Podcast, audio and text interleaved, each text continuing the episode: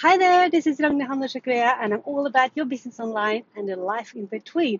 Now, I'm in the car as usual, and I'm driving home from, from a fantastic CrossFit session. And this episode is a huge shout out and a huge contribute to all the coaches around there.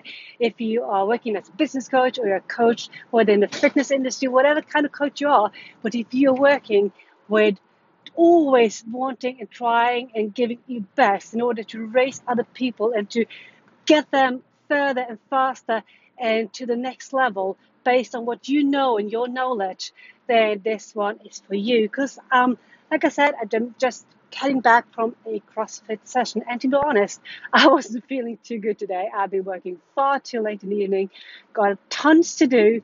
Uh, my daily planner is actually quite packed at the moment. And I must admit, when I woke up and I knew that I had to go, I was like, oh, should I just ask my husband to take this instead?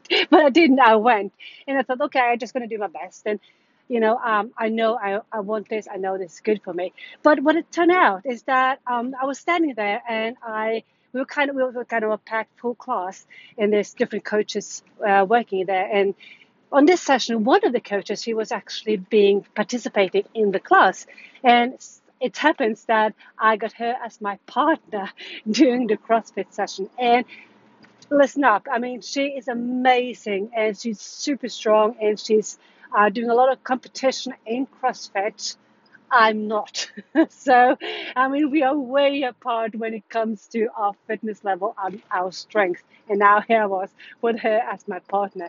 And, you know, we were doing um, in couples, we had to do like, you know, five or 10 reps uh, on different, um, different movements. And she's so quick and she's so strong. And had, I had to push myself far beyond my own limits, far beyond what I even thought was possible. You see, I can be quite strong, but I'm not strong when it comes to speed. So I rather go like heavy and very controlled, while she is doing heavy, controlled, and fast. I'm not used to doing fast. So I had to speed up. And honestly, um, there's a lot of times doing those drives where I thought I can't do anymore. But you know, she was in front of me, and it, this is just what fascinates me. And you can apply this to any parts in your life, actually, is that we have these beliefs in our head about what we're capable of doing.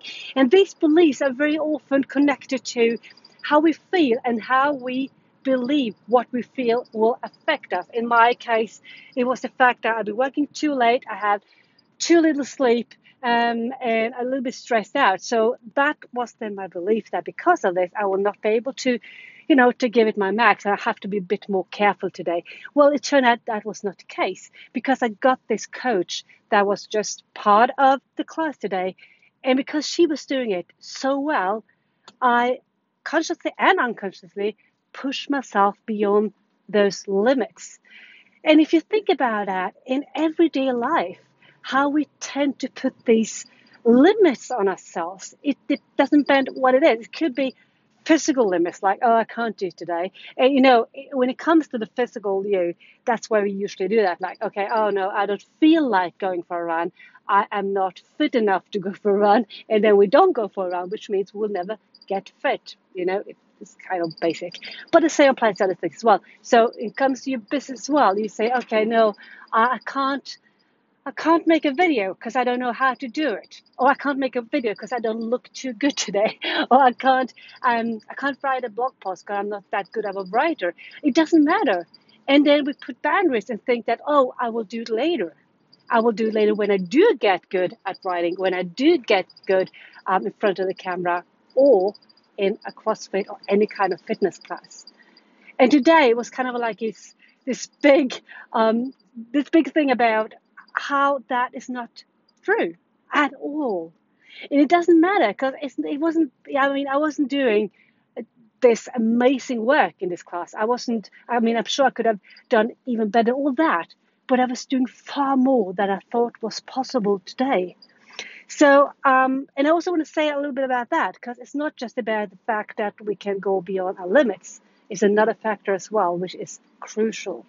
To have someone in your surroundings They can be physically near you, or they can be just someone that you follow on social media. It doesn't matter, just someone that you look up to.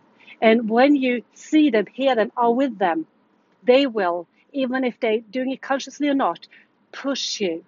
They will challenge you. And they will always make you want to do a little bit better, a little bit more, and more than you thought was possible.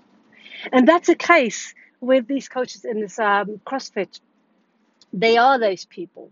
They will always do that. They go beyond and they push you that little extra, that little kind of like someone is standing in behind you and whispering in your ear, say, You can do it, you can do it. They don't do that, but almost like that. And again, it can be applied to any area of our life.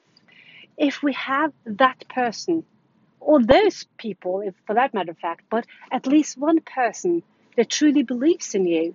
And that person doesn't need to or shouldn't need to shout that out to you every single day how amazing you are. That's not the case because then it kind of flips over to not being um, not being natural and not being uh, good. But it's more about having someone who believes more in you than you might do yourself, and that can ask you those questions that make you challenge yourself or can you know say i know you can do it because they know you can do it when you doubt yourself. And sometimes like i said it can be someone physically near you your partner a near friend maybe a parent a grandparent for that matter of fact uh, a neighbor a coach a trainer whoever it is. And the interesting thing about this is that that person can be that cheerleaders kind of that coach in one area of your life but i bet that can affect other areas as well. Because when you know you can do something more than you thought was possible in one area of your life you likely see that that applies to more areas. So i'm, I'm actually heading home now and when i went to this class this morning i was like i said, I was quite tired and i wasn't like feeling 100% now i'm heading back. Physically i'm more you know i'm just wrecked. But mentally, I feel built up. And I got so much more energy mentally than I had just a few hours ago, which is kind of weird when you're thinking what I just did. And it's all because of this coach that I was so lucky to get as my partner in this in this CrossFit session. And it wasn't even the plan. It just became that way. And just by having her in front of me and having to watch her do all these exercises just made me having to push myself further. So again, to all of you who work any kinds of area, if it's business, if it's training, if it's personal life, whatever it is, if your business, if your life is about helping other people to achieve more, this is a huge thank you, thank you, thank you. What you do is amazingly and it's so important. And I think to be honest, sometimes you're not even aware of the impact that you have.